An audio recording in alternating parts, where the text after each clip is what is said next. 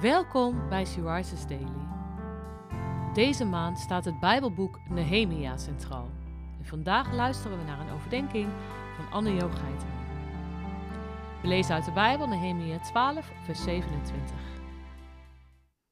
Bij de inwijding van de muur van Jeruzalem zochten zij de Levieten uit al hun woonplaatsen om hen naar Jeruzalem te brengen, om met blijdschap de inwijding te verrichten, met dankzegging en met gezang, met cymbalen, luiten en harpen. De inwijding van de muur van Jeruzalem was een feestelijke aangelegenheid. Alle levieten moesten komen om met luide dankzegging en gebed, met gezang en allerlei instrumenten God te eren.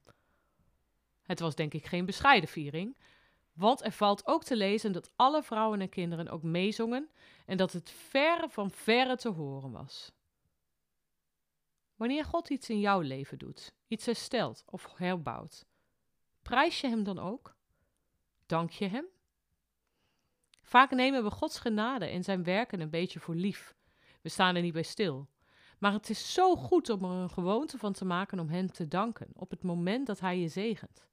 Heel vaak bid ik gewoon stil: Dank u wel, Heer. En als er dan gelegenheid is, zet ik muziek op en prijs en loof ik Hem. Soms heb ik het op mijn hart om te dansen of mijn handen in de lucht te werpen. In andere momenten zit ik stil, met gebogen hoofd of kniel ik neer. Als je het Hem vraagt, zal de Geest je helpen met oprechte lofprijs en aanbidding. Het gaat er niet om dat je het goed doet. Het gaat erom dat je het oprecht doet.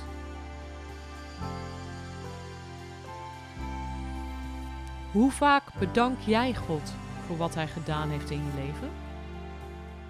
Wat vind jij een fijne manier om Hem te loven en te prijzen?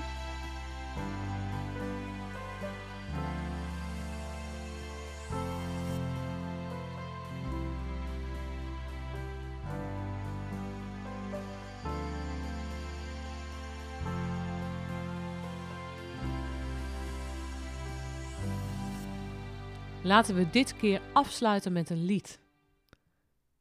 Zing je mee? Opwekking 454 kun je ook online beluisteren. Zegen aanbidding, kracht overwinning. Ere zij de eeuwige God.